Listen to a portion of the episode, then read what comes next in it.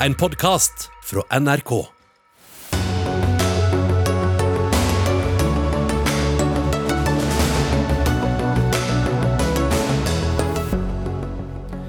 Dronningen er død, leve kongen. Men må Charles 3. slutte å ta imot sjeikenes penger og gå mer i kirken? Overgangen fra ungdomsfengsler til vanlige fengsler er uholdbar stor, mener Barneombudet. Etterlyser overgangsordninger for unge lovbrytere. Ukraina har framgang på slagmarken, kan tyde på kollaps blant de russiske styrkene, mener ekspert. Og strid om bruk av personlighetstester til rekruttering i arbeidslivet egner seg best til underholdning, mener professor. Ja, Det er noen av sakene i Dagsnytt 18 denne fredagen, der vi også tar tempen på det politiske Sverige dagen før dagen. Men vi starter også i dag i London, der Charles har kommet tilbake fra Skottland som konge for å tale til nasjonen om en snau time.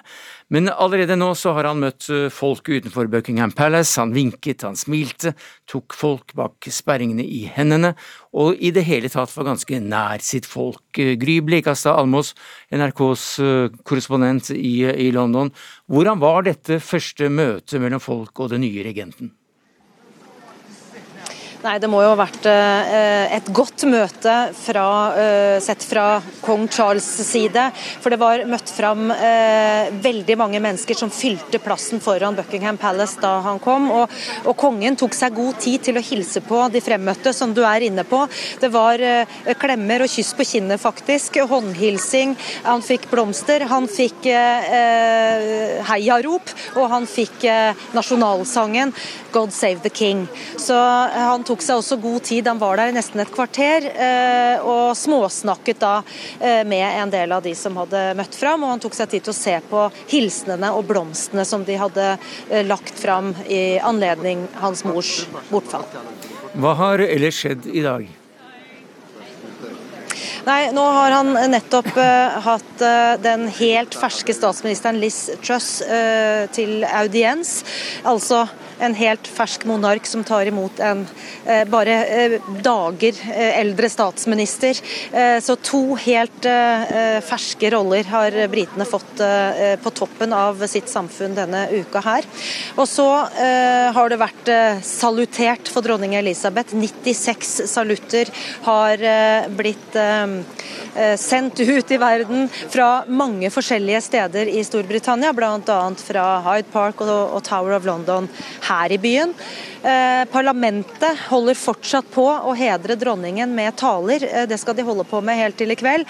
Eh, og vi venter på en tale fra den ferske kongen om ca. en times tid. Da skal det også være en minnegudstjeneste, en takkegudstjeneste i St. Pauls katedralen. Så ja. mye som skjer disse dagene. Ja, hvilke forventninger har du merket at folk eller det offentlige har til denne talen?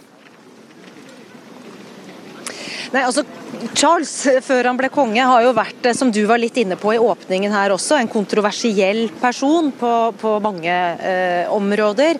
Eh, og forventningene til han som konge eh, er nok eh, bl.a. stor spenning til hvordan han kommer til å, å fylle den rollen. Eh, og hva han kommer til å si i talen, det kommer til å være en ganske kort tale. Eh, så jeg vil anta, eh, uten at jeg vet noen ting om det, at det kommer til å handle mye om hans sorg over å mistet en mor, og folkets sorg over å ha mistet eh, dronningen.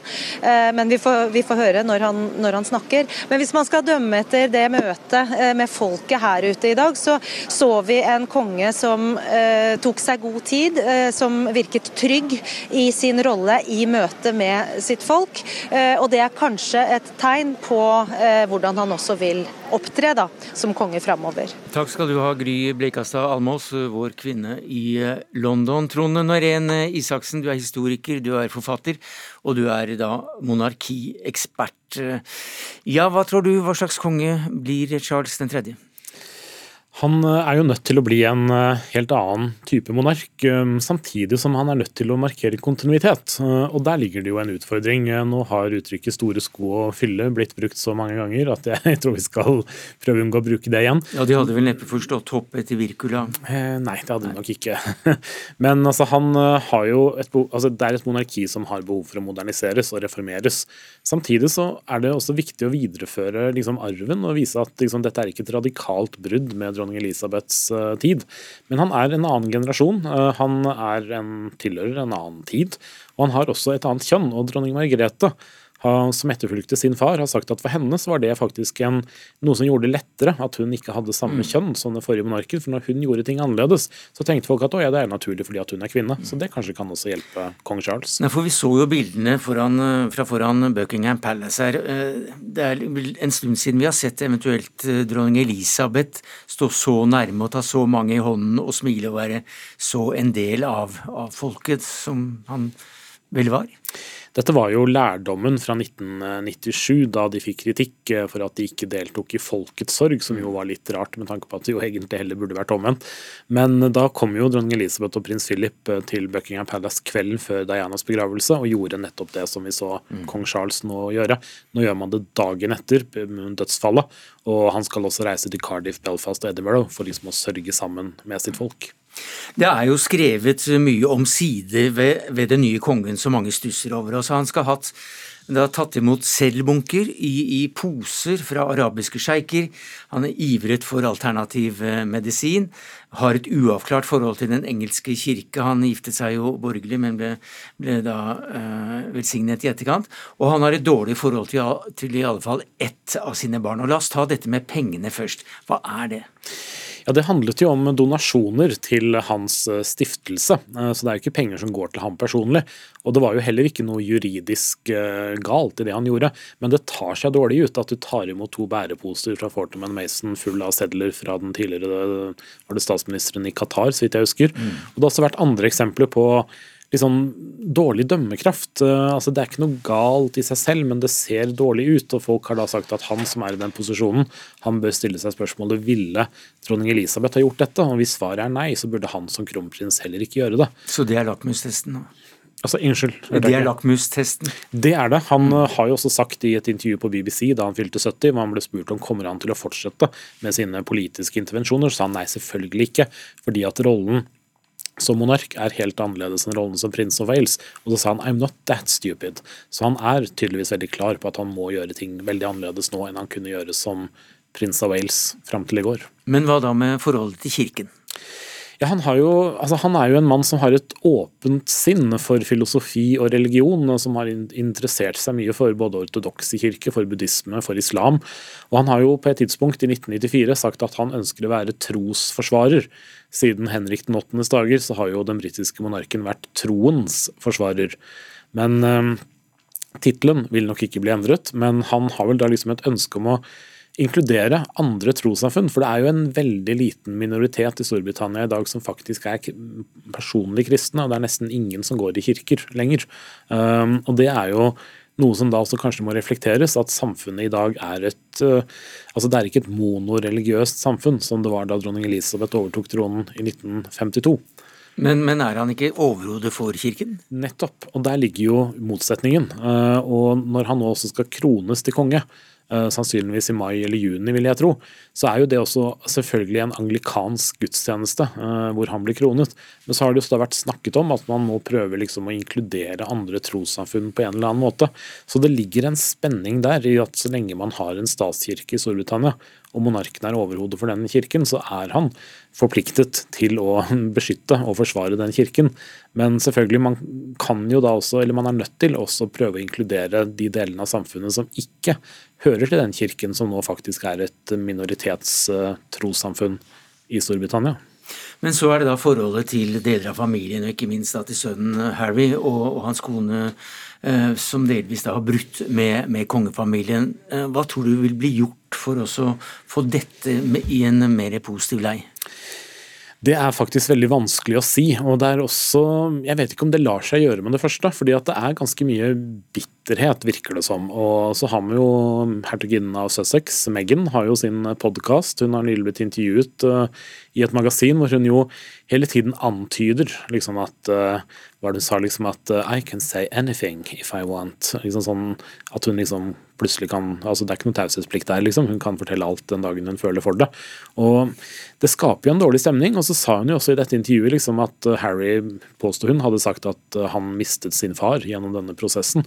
Så det virker jo som om forholdet er veldig anspent. Og så er det jo også sånn at prins Harry kommer jo med sin selvbiografi nå i høst, uh, som det sies at skal være ganske kritisk mot hans far, forventes det. Og det er en helt ekstremt dårlig timing. Altså Jeg håper jo at prins Harry, hvis forlagskontrakten tillater det, har vett nok til at han ikke utgir denne boka nå i høst. For det vil være å skyte seg selv i foten, og det vil også virke veldig upassende. Og det vil jo selvfølgelig gjøre forholdet til familien enda dårligere. Men Isaksen, dronningen, hun hadde jo da 70 år på å skrive seg inn i historien. Det er vel tvilsomt om eh, Charles 3. får, eh, får like mange år. Men, men, hva må han levere for å bli husket som en, som en levende konge og som en god og vellykket konge? Jeg tenker på det, Hennes første statsminister var født i 1874, hennes siste statsminister var født i 1975. Mm. Eh, hun spente over et århundre. Prins Charles, kong Charles, unnskyld, har kanskje muligheten til å leve i 25 år til hvis han har sine foreldres gener, men kronen har kommet til ham for sent i livet. Han har ikke tid til å gjennomføre alle de reformene og moderniseringene som trengs. Han vil bli en overgangsfigur, enten han vil det eller ikke.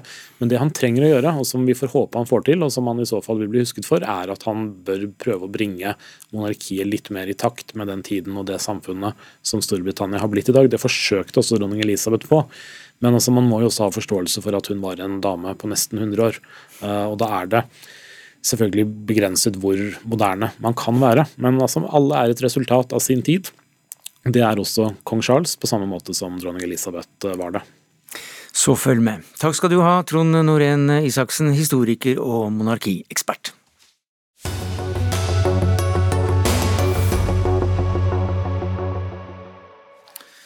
Uh, Inga uh, Beyer Eng, uh, hvordan vil du som barneombud beskrive systemet vi har etablert for overgangen fra ungdomsfengsler til voksenfengsler for domfelte unge mennesker? Kort fortalt, den er altfor dårlig. Det er altfor dårlig sammenheng i systemet vårt og hvordan vi bruker penger. Det handler egentlig om at vi har en, en liten gruppe, uh, gudskjelov, uh, ungdommer som ender opp med å begå veldig, veldig alvorlig kriminalitet. Og da har vi innrettet oss sånn i Norge at vi har to ungdomsenheter, eller ungdomsfengsler, hva man skal kalle det det. Men, så de sitter ikke og soner sammen med, med, med voksne. Små enheter? Ja, det er det. det er Fire stykker på den ene? Eh, ja, de har vel plass til flere utgangspunkter, men det er en på Eidsvoll og så er det en i Bergen. Jeg har vært der som barneombud flere ganger. Eh, det, er, eh, det som er spesielt der, er jo at disse ungdommene ofte har store sammensatte problemer, naturlig nok. Så der er det egne psykologer som jobber på enheten, jobber der og er der i det daglige. Og så de, eh, får de tett oppfølging til skole. Så når jeg har vært der, eh, begge stedene, så har jeg sett hvordan ungdommene får hjelp. Og det er eh, ofte at de klarer å få god progresjon på videregående opplæring. De, jo ofte, de kan være helt fra 15 år, de som sitter her. Men det som skjer den dagen de er 18, det er at da er det slutt. Da er det brått slutt over natten på den innsats som da settes inn både når det gjelder skole og når det gjelder psykisk helsehjelp. Mm. Nei, altså Dette spørsmålet det ble jo da aktualisert da historien om, eh, om Jonathan ble brettet ut i, i, VG denne uka. Eh, for ham så ble overgangen helt fatal voldsom. Uh, I fjor høst så tok han livet sitt i, i Halden fengsel. Og som barneombud så kritiserer du altså hvordan samfunnet organiserer akkurat denne overgangen for fanger fra ungdomsfengsler til voksenfengsler. Eh, hva er utfordringen for den nåværende justisminister? Det er å sørge for at den investeringen samfunnet bruker på disse ungdomsenhetene før de er 18, både når det gjelder skole, tilrettelegging på skolegang, som er kjempeviktig for rehabiliteringen, men også når det gjelder psykisk helsehjelp, den stopper brått den dagen de er 18. Sånn at når jeg har vært på disse enhetene og snakket med ungdommene særlig, så er det tilbakevendende tema at de er veldig urolige for den dagen de fyller 18, for da er det en brå slutt. Og det for eksempel, som jeg tror ikke så mange vet, er at de, mange av de er da fulltidselever på videregående videregående skole følger, og klarer å følge opp det bra, og plutselig skal de over et voksenfengsel hvor de ikke lenger får lov til å, å, å gå på videregående skole på fulltid, de må plutselig jobbe. Og Her er det et eller annet som, som ikke henger sammen. Mm. Men justisminister Emilie Enger Mehl, eh, hun svarer VG skriftlig, og der står det regjeringen har bevilget mer penger til kriminalomsorgen, og i 19, nei, 2022 vil det derfor bli etablert to ungdomsteam i kriminalomsorgen som skal følge opp unge innsatte i aldersgruppen 18 til 24. Mm. Det er vel bra? Det er kjempebra. Ja, Det er veldig veldig bra, men det svarer jo ikke ut det behovet som, som er der med behov for en overgangssted for disse ungdommene å være.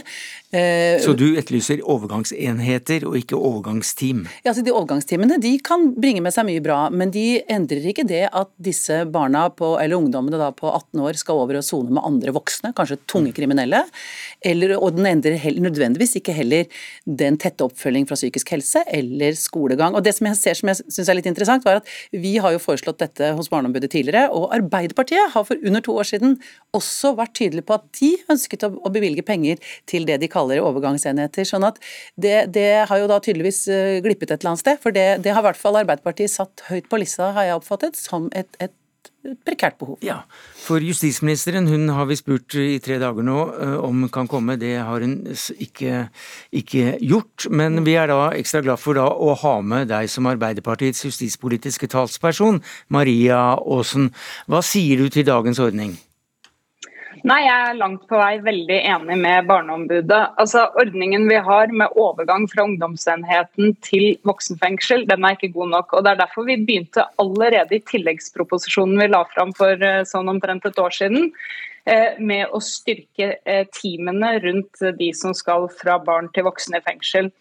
Så tror jeg absolutt ikke at det er nok heller. Jeg tror vi må jobbe med å utvikle f.eks. sånn som den modellen som er på Eidsberg, hvor man har en mer eller mindre egen avdeling tilpassa unge mennesker som soner i fengsel, mellom 18 til 24-25 år.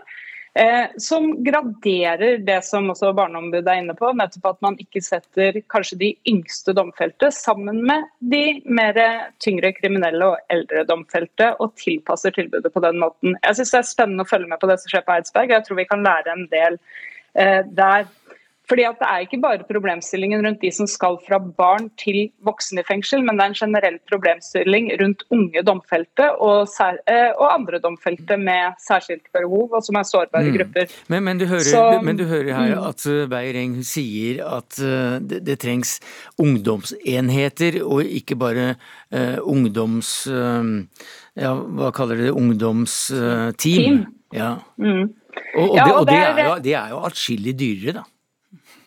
Ja, det er det. Og la oss si det sånn at En av grunnene til at ungdomsenhetene fungerer så godt, det er fordi at det nettopp er pakket med et godt tilbud rundt hvert enkelt barn som sitter på ungdomsenheten. Det var også derfor vi opprettet de på den måten. Det er slett ingen billig løsning, men det er en veldig veldig god løsning. Det som bare er så forferdelig trist, er at den gode progresjonen og rehabiliteringen som har foregått i ungdomsenhetene, ser ut til å glippe veldig når disse barna skal over i voksenfengsel. Og hvorvidt vi skal fortsette jeg, jeg, tror vi må klare å ha to tanker i hodet samtidig. Det å fortsette å utvikle disse teamene som jobber med de unge mm. domfelte i ordinære fengsler, tror jeg er en god vei å gå. Jeg tror vi kan få veldig mye igjen for det. Eh, og se på en modell med egne enheter for de unge fra 18 til 25, ja vel, det kan jo minne litt om den situasjonen som er i Larvik fengsel per mm. i dag, hvor man har nettopp unge domfelte og Det er også en mulighet å se på det ut ifra dagens kapasitet. Ja. Men det er nok noen som husker Arbeiderpartiets valgkamp, og der ble det vel eh, Beireng lovet en god del penger og, og mer innsats enn det vi har sett? Ja, jeg ser i hvert fall Det forslaget som ble fremmet fra Arbeiderpartiet, så var det vel snakk om i hvert fall 100 millioner til kriminalomsorgen i første omgang, og hvor disse, disse enhetene ble spesielt nevnt. Fordi at det tror jeg vi alle, det, Dette har vært diskutert lenge. Og, og, det som er at denne gruppen ungdommer som kommer fra det vi kaller ungdomsfengsel, som kanskje har sittet inne sånn som denne gutten fra han var 15, de er ekstra sårbare. ikke sant? Og så finnes det ungdommer som går i fengsel når de er 19 og 20, men akkurat den mm. gruppen som kommer fra ungdomsenhetene, så, så stusser jeg nok litt på pengebruken til staten, fordi man de plassene er dyre. Eh, og så kanskje har man holdt på halvannet år, to år med en ungdom, eh, og så vips, så bare slutter man med det. Akkurat som man ikke helt har tatt inn over seg at dette er en prosess, da. Mm. Ja, Er det vanntette skott mellom Arbeiderpartiet og Senterpartiet i denne saken, som da sitter med justisministeren? Nei, det er det er et svært godt samarbeid. Og ja, vi lovte 100 millioner i første runde. Det leverte vi på. Det kom riktignok som en halvtårseffekt og skal bli gitt som en helårseffekt nå. Så jeg syns vi har holdt det løftet særdeles godt. Er, er, det slik du også ser Unnskyld at jeg avbryter deg, vi begynner å få litt dårlig tid. Ja, men, nei, men jeg må nesten bare spørre om det også er eh, Barneombudets uh, syn? Hva da? At? Nei, At disse pengene allerede er kommet? Disse 100 millionene? Ja, det, det er i hvert fall ikke kommet penger til disse overgangsenhetene som Arbeiderpartiet var opptatt av. Mm. Og ja, men det er. Det, det jeg, dette er jo eh, feil. Men de teamene har jeg forstått er etablert, mm. og det er det bevilget fem millioner, millioner, til. Men, men, det jeg bare har lyst til å si, det er en ting er at det tar tid å bygge ut en overgangsenhet, og at det koster penger. Men én ting som jeg tenker at Arbeiderpartiet sammen med Senterpartiet kan få til, det er over natta å sørge for at de ungdommene som plutselig blir 18 år, blir fratatt muligheten til å være fulltidselev på videregående skole. Det skulle ikke koste mye pengene å få endret opp i det og sikre dem retten til videregående opplæring. Hva sier du til det, Åsen? Ja, jeg må få svare ut. Vi bevilget 50 millioner, som blir 100 millioner nå i 2023, til innholdsarbeid i fengslene. Noe av det har gått til ungdom, og det bør helt sikkert styrkes. Jeg er glad for at justisministeren har hatt fokus på det nå i dag. Når det gjelder dette med skolegang for elever som også er domfelte, jeg har jo selv bakgrunn fra å ha jobbet som lærer i fengsel og vet veldig godt at det er et stort problem at man ikke har god nok kontakt mellom de forskjellige fengslene, slik at den progresjonen man har på ett soningssted, ikke nødvendigvis tas med til et annet soningssted. Mm. Det her syns jeg vi skal jobbe med, og det tror jeg ikke nødvendigvis handler om penger. Det handler om systemet, og det handler om å faktisk få på plass noen bedre sømløse ordninger skolen, mellom skolene i de forskjellige fengslene. For det er faktisk de videregående skolene som tilbyr eh, undervisning i fengsel. Og det burde mm. enkelt kunne bli bedre. Da ser vi fram til at eh, en enkel løsning blir gjennomført. Maria Aasen, Arbeiderpartiets justispolitiske talsperson, takk skal du ha. Takk til deg, Inga Beyer Eng, barneombud.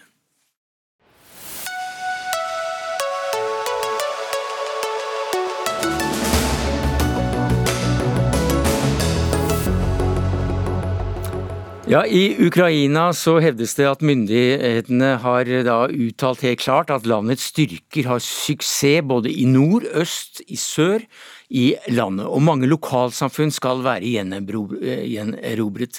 Eh, hva er det som skjer, Morten Jentoff? Du er utenriksmedarbeider i NRK, og nå er du i Zaporizjzja i Ukraina ja, som ligger midt mellom eh, disse frontavsnittene. Ehm, eh, det som er helt sikkert, er at en stor eh, ukrainsk offensiv i Kharkiv-regionen, som ligger litt nord for her hvor jeg befinner meg, der ehm, har jo de ukrainske militære i dag sendt ut bilder av at de har erobret byen ehm, Balakia. Og der er framgangen stor, skal vi tro i alle fall meldinger som nå i ettermiddag legges ut på sosiale medier og også meldinger som kommer fra de russiske okkupasjonsmyndighetene, som nå sier at de vil prøve å evakuere den ukrainske sivilbefolkningen både til Russland, men også eh, til andre områder av Ukraina som eh, de kontrollerer. Det er deres leder i regionen, eh, Vitalij Gansjev, som, eh, som, eh, sier dette. Sånn at det er ingen tvil om at det er en ukrainsk offensiv med stor suksess og med stor strategisk betydning som er på gang der oppe i det området der. Samtidig som det kommer meldinger og også bilder som viser at russiske forsterkninger er på vei inn i området. Ja, Palle Ystebø, du er oberstløytnant, hovedlærer og sjef for seksjon for landmakt ved Krigsskolen skolen. Eh, hvordan tolker du disse meldingene? Ja, det er, det er, tydelig at det har vært det er en offensiv med bemerkelsesverdig suksess som har gått inn. Stoler du på dem? Ja, altså det kommer såpass mye. og Ukrainerne, altså Det spesielle med den offensiven her i forhold til den i, i, i Kherson, er at her så postes det kontinuerlig etter hvert som de tar en, en, en, en landsby eller en, by, heiser opp flagget, og så postes det, og så blir det geosjekket av disse her internettoperatørene. Og så kan du egentlig lese av dette. her. Pluss det at òg uh, ukrainske militære er ganske tydelige på hvor langt de er kommet. Uh, og dette er en offensiv som um, starta ja, Det begynte litt på mandag i, uh, i sør, altså inne i, i Donbass, sør for Lyman, der ukrainske styrker kryssa den nordre Donets-elva og, og, og pressa i sør der. og så knakk inn på tirsdag, og så har det bare utvikla seg ifra, ifra, vest. Men hva kan eh, det tyde på? Det tyder på at uh, Ja, det er, det er, to ting. Det ene, først så tyder på at det russiske forsvaret er tynt. Sånn at de var i stand til å bryte gjennom, og at det er ingenting eh, bak de fremste linjene. Og Det kan skyldes at Russland har overført såpass store styrker fra dette området sør til Kherson for å demme opp for den offensiven som, som går der, og som hvis Ukraina skulle få et gjennombrudd, vil true forbindelsene til Krim, og kanskje mm. sågar Krim. Ja, og Så ordet kollaps er brukt? Ja, ordet kollaps er brukt fordi at uh, det som, det, det som uh, har skjedd, er at ganske mange uh, russiske stillinger er, er tatt tomme. Altså Soldatene og offiserene har bare stukket av. Det ligger mengder med våpen inn, og det står til med fastkjørte kampkjøretøyer og, og, og lastebiler. Eh, og det, du, du, kan egentlig ikke rykke fram så mm. fort på den måten der eh, mot en motstander som den russiske, hvis det ikke, ikke er en eller annen form for sammenbrudd mm. som, som åpner opp. Eh, Morten Jentoft, samtidig så kommer da altså det fint besøk til Kiev i dag. Den amerikanske utenriksministeren Blinken, hva hadde han med seg?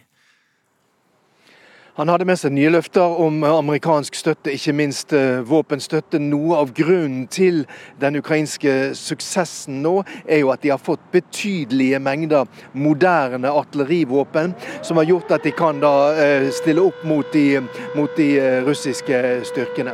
Ja, nå hører vi at flyalarmen også ja. går her i Zaporizjzja, men vi, får, vi kan da fortsette litt til. Ja, øh, Han har med seg mye penger. Hva slags løfter har han med seg? Han har løfter om at man skal gi moderne uh, granater til ukrainerne, som gjør dem da i stand til å, å, å, å mer presist angripe de russiske styrkene. F.eks.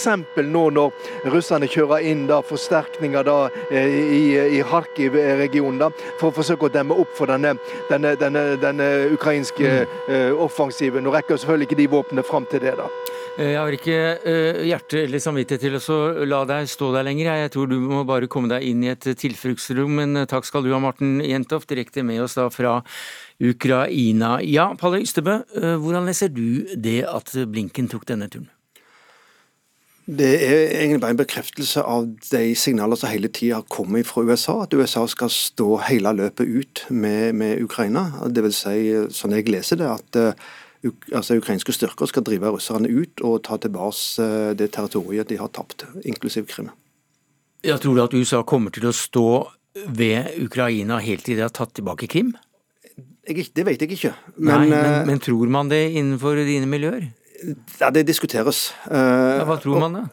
Fordi at eh, Jeg tror dette handler litt mer om bare en krig mellom Ukraina og Russland. Dette her er kan si, det er krig mellom vestlige liberale demokratiet eh, og, og sånn diktaturer som, som vi helst ikke forventer i, i dag. Og, og, I den anledning så, så tror jeg at uh, Ukraina er kan du si, nærmest uh, en test på demokratiets framtid i, i, Europa, i Vesten. Uh, opp imot et, et Russland som, som, egentlig er i ferd med å altså Et russisk despoti som, som du, du, du, du, trekker linjen fort tilbake til, til Ivan den grusomme og, og, det, og et dysfunksjonelt kleptokrati, nærmest. Så det er, det er kan man si, det, det gamle, og så er det mot, mot det mm. nye. Så dette er Vestens eh, krig, eh, men med Ukraina som slagmark? Nei, det er Ukrainas egen krig, og Vesten backer det opp. Og det, er, det handler om Ukrainas eh, rett til å velge egentlig hva de vil ha sjøl. Hvordan tror du de neste dagene blir? Hva slags nyhetsbilde er det vi kan se for oss? Altså Nå står ukrainske styrker og presser på sør for Kupiansk, som er dette her vei- og jernbaneknutepunktet som de russiske styrkene lenger sør er avhengig av å få forsyninger ifra. Eh, de har eh, posta bilder der de har eh, står i utkanten av byen med, med, veiskilt. og Det siste som jeg så nå, er at den veibrua over Oskolelva ved, ved Kupiansk som går østover, er nå truffet av artilleri. Om det er bevisst eller, eller om det skyldes de angrep noe annet, det vet vi ikke. Og Dermed så er, har ikke russerne mulighet til å verken forsyne eller trekke seg ut den veien der. Så fremdeles fremgang for ukrainske styrker er det du ser for deg ser, enn så lenge, på kort sikt? På kort sikt så i alle fall så vil de konsolidere det de har tatt, mm. og dermed så vil eh, de styrkene, nei, russiske styrkene være under press. Takk skal du ha, Palle Ystebø, oberstløytnant og sjef for seksjon for landmakt ved Krigsskolen.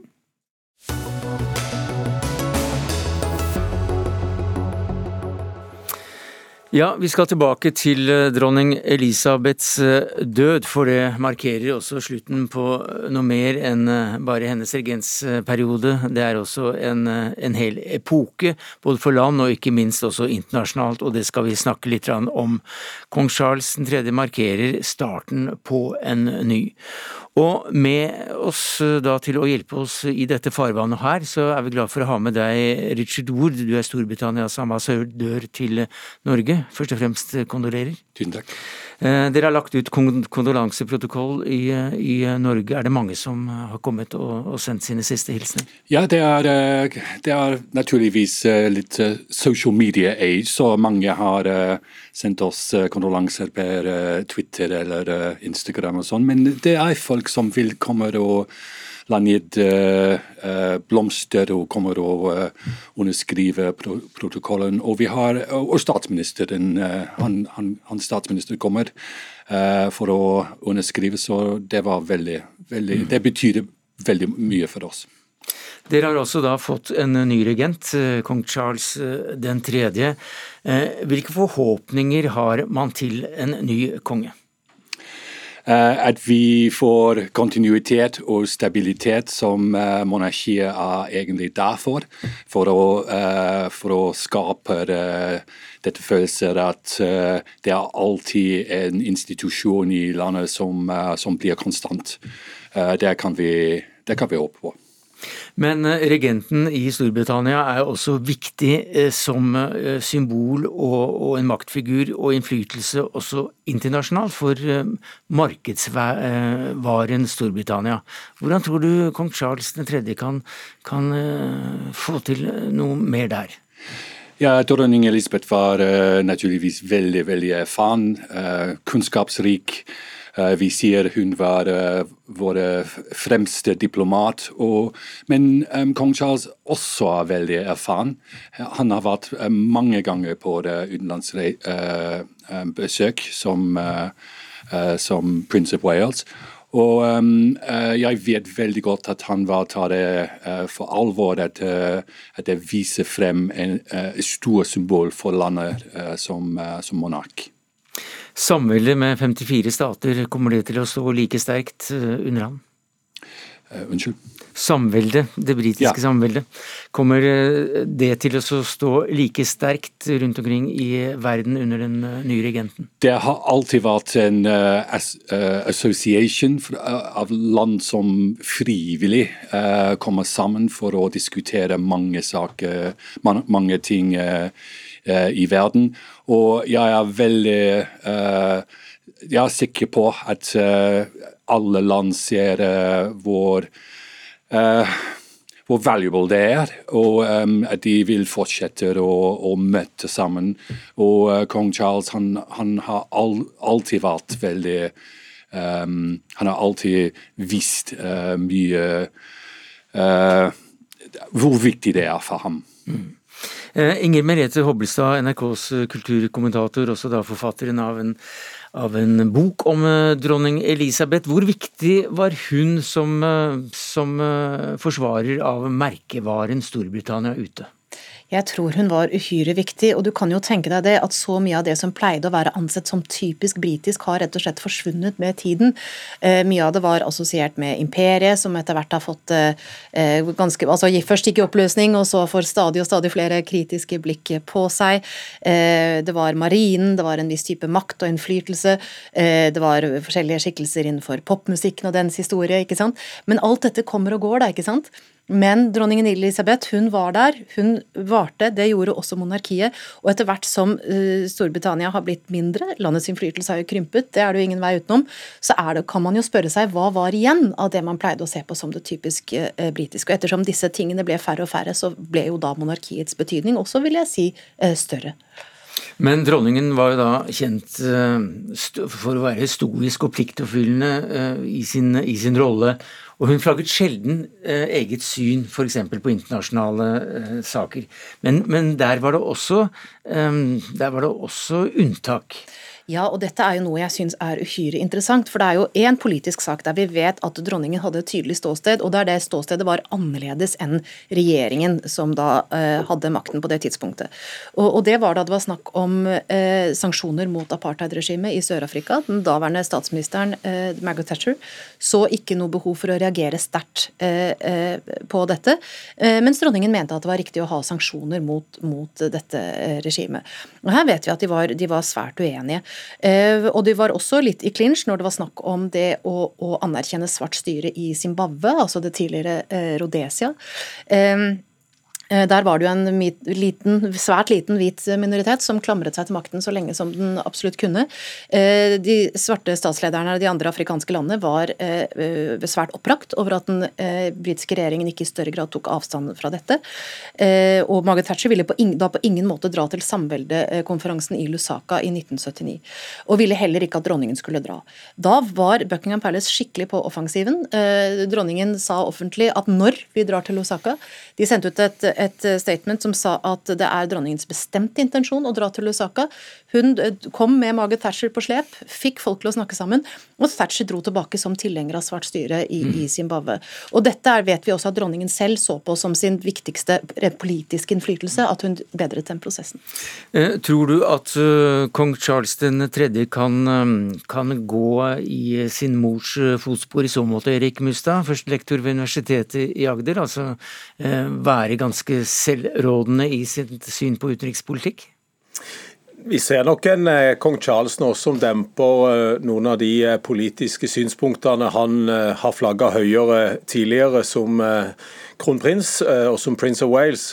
Så vi får nok en mer neddempa retorikk i så måte. Han har også dempa den betydelig de siste årene.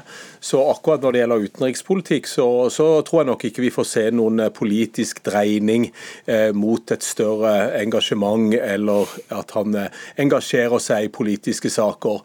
Eh, hvis det skulle være tilfellet, så vil det være bak lukka dører, litt som Hobbelstad er inne på her, at det skjer ting mellom en statsminister og en regent, eh, og så lekker det noe ut her. så Det kan man jo aldri vite hva som skjer eh, fremover. Men at vi ser noe politisk uttalelser eller politiske regentskap i, i, årene som kommer, det er det vel lite som tyder på.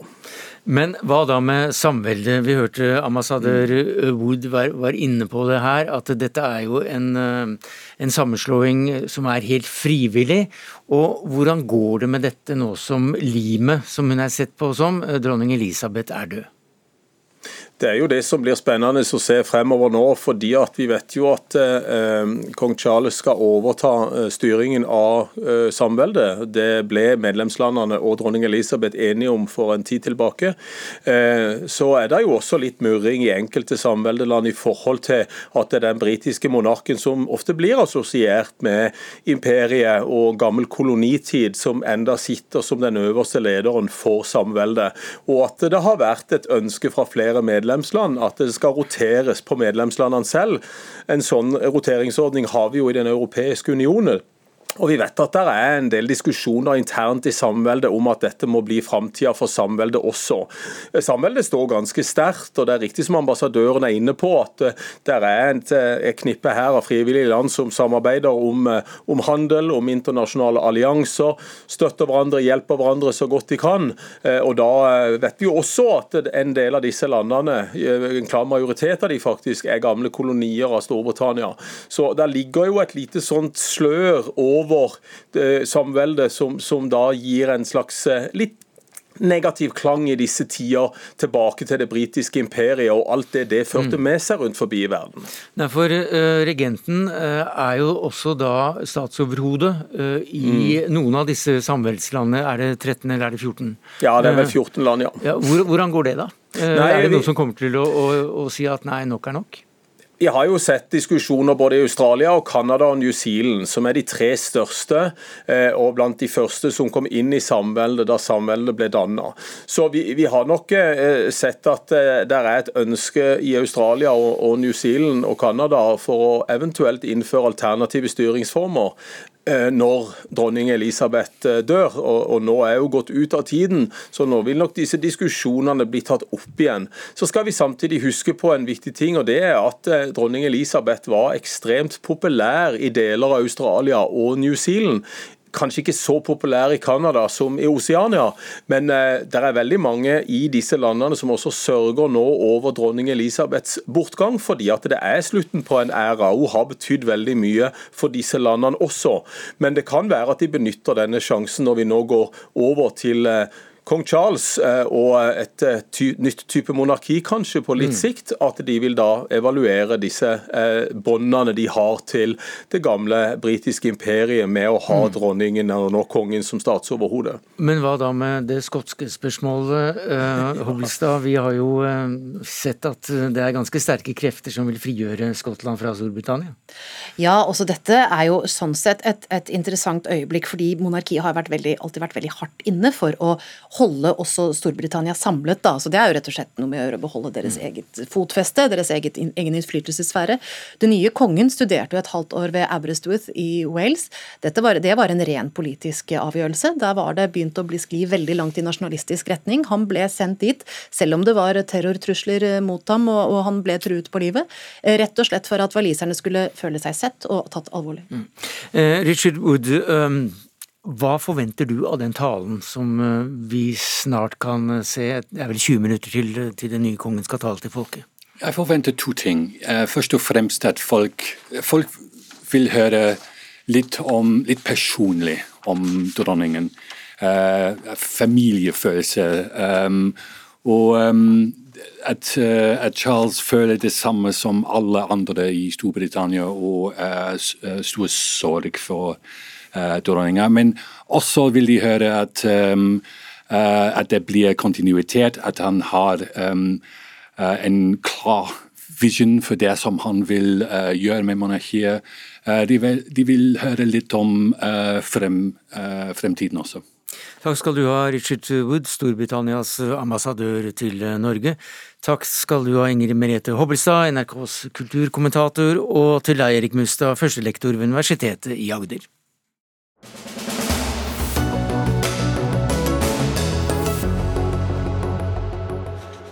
Ja, fra Storbritannia til eh, Sverige. Det er valg på søndag. Eh, det blir en rysare, som eh, svenskene sier.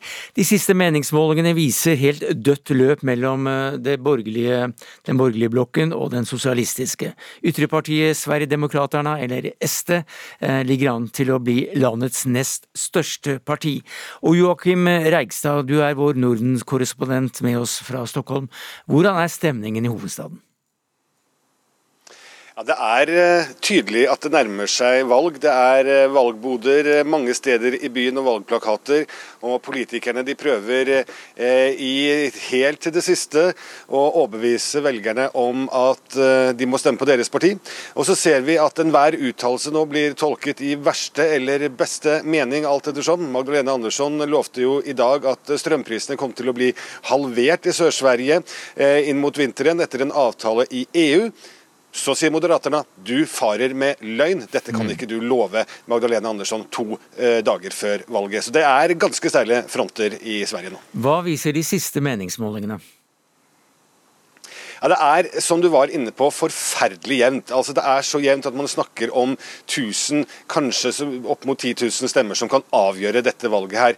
Eh, sidene blokkene, rød og blå blokk, eller høyre- og venstresiden, har vekslet på å lede gjennom hele valgkampen.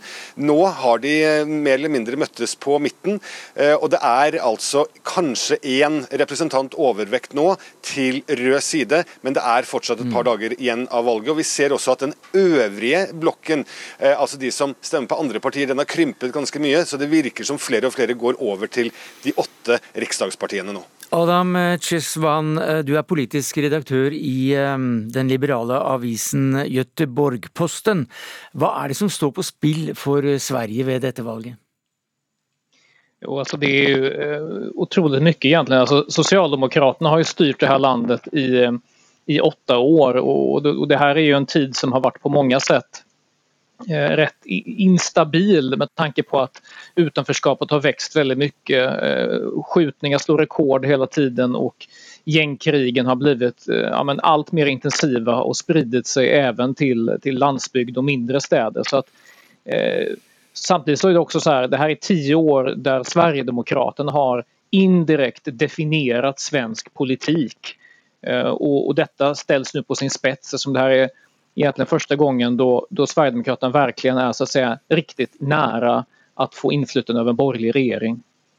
Ja, kan eh, Sverigedemokraterna eh, bli med i en ny regjering? De vill nog det.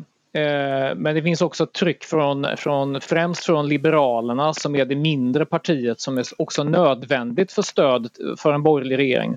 Och de har ställt som ett skarpt krav att de vill inte se Sverigedemokraterna i en regering. Så att man kan tänka sig att förhandla med dem men man vill inte att Moderaterna och Kristdemokraterna, de två övriga borgerliga partierna, släpper in dem till statsrådsposter. Men hvilken av blokkene eh, kan da uh, antagelig bli en mer stabiliserende faktor i Sverige? Det har jo delvis vært forholdsvis kaotiske forhold i Riksdagen. Alltså som det ser ut i nuläget så är det borgerliga blocket eh, något mer samspelt. Man har gjort gemensamma rättspolitiska utspel redan förra året. Och det är klart att det finns en del oklarheter om Sverigedemokraternas inflytande och makt där eh, som jag nämnde tidigare. Men å andra sidan det rödgröna blocket där villkorar både liberala Centerpartiet och socialistiska Vänsterpartiet båda villkorar sitt stöd till en regering med att de får sitta i den regeringen och de två partierna sitter ju väldigt långt ifrån varandra i ekonomiska frågor så att det ser instabilt ut hos de rödgröna också, om inte ännu mer. Tone Sofie Aglen, politisk kommentator i NRK. Du har pakket kofferten på vei til eh, Stockholm eh, i eh, morgen. Hvordan skal dette gå? Nei, eh, det vet vi ikke, da. Det er jo utrolig jevnt. Eh, det var vipper fra måling til måling eh, hvem som leder, men det vi vet, at det blir jo kaotisk uansett hvilken side som vinner. Og det er jo riktig som det blir sagt her, at i hvert fall i debattene så framstår borgerlig side som mest samstemt. Men hvorfor det? Nei, Det skyldes at man har brukt så mye tid på um, Sverigedemokraterna og tilpasse dem. Eh, så har vi nok ikke snakka så mye om eh, sosialdemokratisk side, og der er det eh, ganske store forskjeller mellom partiene. Særlig mellom Venstrepartiet og Senterpartiet. ja, de, de, vil jo helst ikke samarbeide? Nei, ikke bare vil de ikke det, men de har jo også satt som krav at Venstrepartiet ikke skal få innflytelse. De står ja. veldig langt fra hverandre i den økonomiske politikken. Og så har Magdalena Andersson, statsminister statsministeren eh, også vært vegra seg veldig for å gi Venstrepartiet innflytelse. Det ble et ekstra tilspissa i sommer etter at uh, en del representanter vifta med dette kurdiske PKK-flagget. Uh, og så står også Sosialdemokratene ganske alene på sin side med å ønske å stramme inn i innvandringspolitikken, i kriminalitet, tøffere eller strengere straffer, hvor de har lova veldig mye. Så det er, det er, ganske mye som er utfordrende på den sida. Samtidig så sier også Venstrepartiet at de er lei av å bli tatt for gitt. De vil ikke være dørmatte, de vil inn i mm. regjering. Skjemman, eh, hvordan har den utenrikspolitiske situasjonen også med Ukraina og svenskenes eh, ønske om å komme inn i Nato påvirket eh, valgkampen? Ingenting.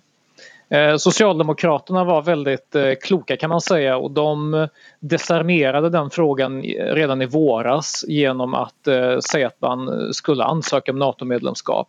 Vilket gjorde att det motstånd som fanns från Vänsterpartiet det var så ensamt så att det har inte spelat någon som helst roll. Och eh, kriget i Ukraina har varit totalt frånvarande från den svenska valrörelsen annat än indirekt genom påverkan på inflationen och energipriserna. Men kriget er som bortblåst, det omnämns knapt. Men det store spørsmålet er altså hva som skjer med, eh, med SD. Og uh, hva skal til før, de, før, det partiet kommer inn i, eh, inn i varmenaglen? Ja, Nå har det jo skjedd veldig mye. Vi så jo i gårsdagens partilederdebatt at at Eh, de Grønne, eller Miljøpartiets eh, partileder, ikke ønska å ta Jimmy Åkesson i hånda. Eh, det er ikke mange år siden det var sånn med alle politikerne, så de har jo kommet et stort skritt inn i varmen. Blir det en borgerlig valgseier, så får du innflytelse, mest sannsynlig mm, stor politisk innflytelse. At de kommer inn i regjering virker usannsynlig, i hvert fall hvis du skal tro på det som de andre partiene på borgerlig side har sagt. Ja, Går det an å holde et parti som da kanskje blir landets nest største ute av regjering, Schweiman? Alltså, det beror väldigt mycket på Sverigedemokraterna. För att om de är riktigt smarta så tänker de kanskje litt som Dansk Folkeparti i Danmark gjorde. Det vill si att de håller sig utanför regjeringen for å kunne påverka den men ikke behöva ta ansvar for allting som regjeringen utsätts för. Men ställer de ett skarpt krav på att vi ska ingå i regeringen då kommer ju de få en rätt stark förhandlingsposition med tanke på att de sannolikt ser ut att bli större än Moderaterna som är det stora eh, oppositionspartiet till höger. Men vi kan ikke se at eh, lederen der blir en ny statsminister? Det håller jag för osannolikt och jag tror inte att eh, de övriga borgerliga partierna skulle tillåta det. Eh, även om de har börjat förhandla med och göra uppgörelser med Sverigedemokraterna så inser man att det fortfarande är för symboliskt laddat mm. Eh, att släppa in dem i regering eller ja, än mindre att, att ha med Åkesson som statsminister. Det håller jag för osannolikt. Reigstad, hva skjer nå framover mot valget på søndag? Blir det flere partilederdebatter? Ja, det blir det. Allerede i kveld så er det partilederdebatt. Og det er en eh, statsministerduell på TV4. Det er det aller siste som de gjør. Eh, statsminister Magdalene Andersson og Ulf Kristersson møtes i TV4 på lørdag kveld. Søndag skal man jo ikke drive med valgkamp på den måten. Eh, og så er det selvfølgelig da å prøve å finne de velgerne som har satt seg på gjerdet nå, og som ennå ikke har bestemt seg. Det er altså såpass jevnt nå, sies det i Sverige, at det, det er ikke mange stemmer som skal til for at det vipper i den ene eller den andre retningen. Og mye av dette her eh, vil jo da avgjøres av hva de som nå sitter på gjerdet, faller ned på. Mm. Joakim Reigstad, som Norden-korrespondent eh, var du med. Takk skal du ha. Adam Svemann, politisk redaktør i Göteborg-Posten. Takk skal du ha. Og takk til deg, Tone Sofie Aglen, politisk kommentator i NRK.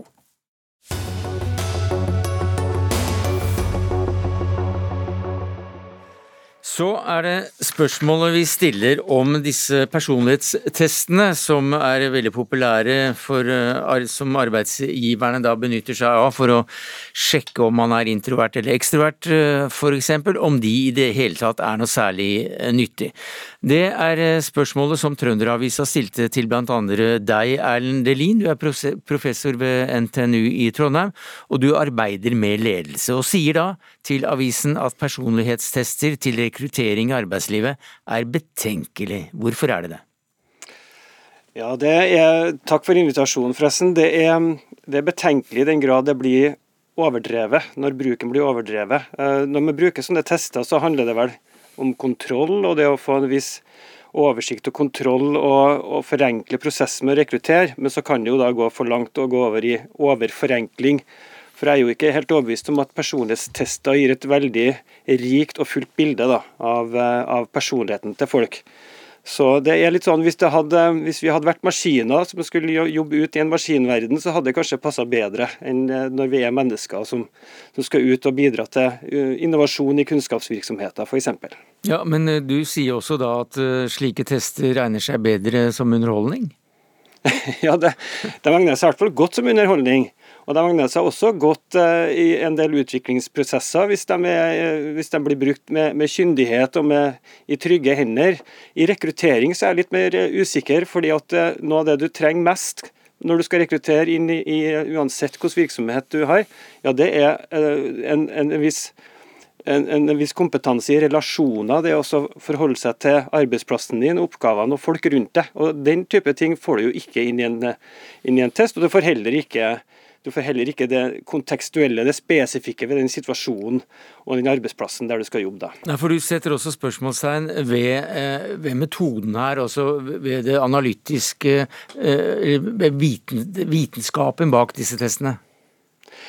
Ja, altså det skal ikke jeg, det skal ikke jeg begi meg ut på nå. Altså, det, det, det, finnes mye forskning som, som, taler for og som taler imot.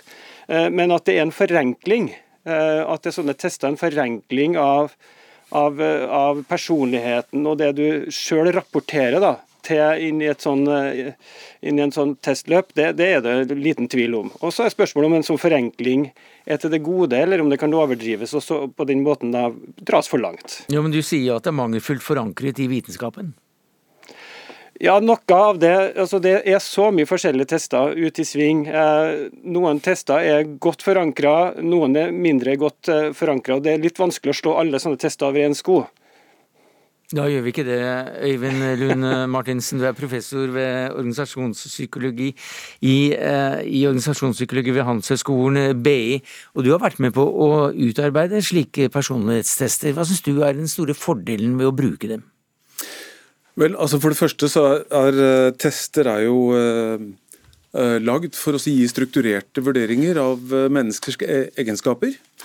Tester krever kyndig bruk, først og fremst. Og kyndig bruk er jo basert på en såkalt jobbanalyse man gjør i uh, seleksjonssammenheng. Og da, det, Gjennom jobbanalysen så kartlegger man jobbens krav til egenskaper, kompetanse, evner, samarbeidsevner. Og så velger man hvilke metoder man skal bruke til å velge hvilke egenskaper. Og Hvis man er da interessert i og mener at jobben krever en utadvendt person, så går det an å måle det. Men kan man ikke jukse da? Altså, hvis jobben krever en utadvendt person, så skriver jeg at jeg er utadvendt.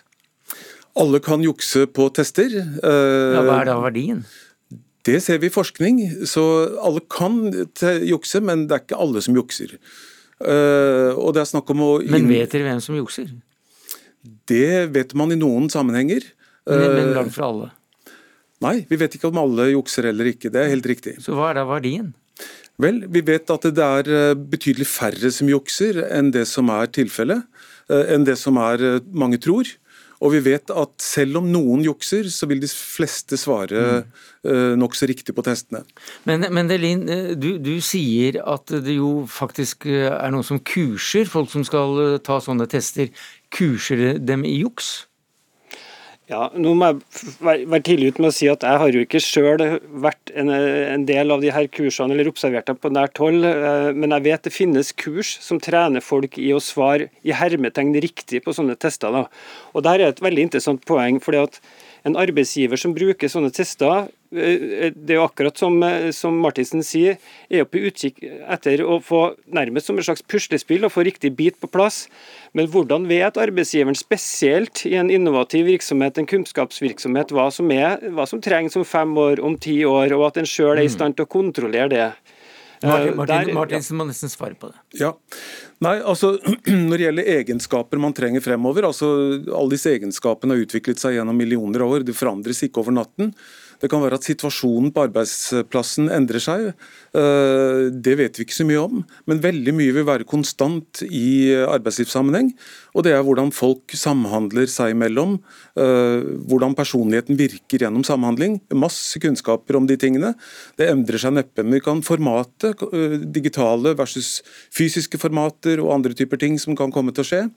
Dette i seg selv er jo forskningsspørsmål som man er opptatt av å finne ut av. Dylan?